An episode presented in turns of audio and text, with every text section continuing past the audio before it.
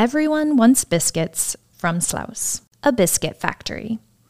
Sluiswijk is not named after a lock, which is the word sluis in Dutch, but named after Biscuit Factory Sluis. And it's a great story everyone should know, which is why street artist Short Life guides you through the history of this place, using his illustrative style to revive the old biscuit factory.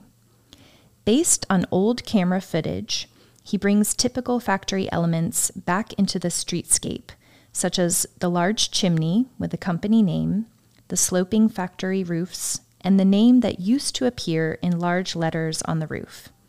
In the spirit of yesteryear, a factory employee smiles at you with a biscuit in her hand as the treats are being distributed across the country with the Sluis transport truck.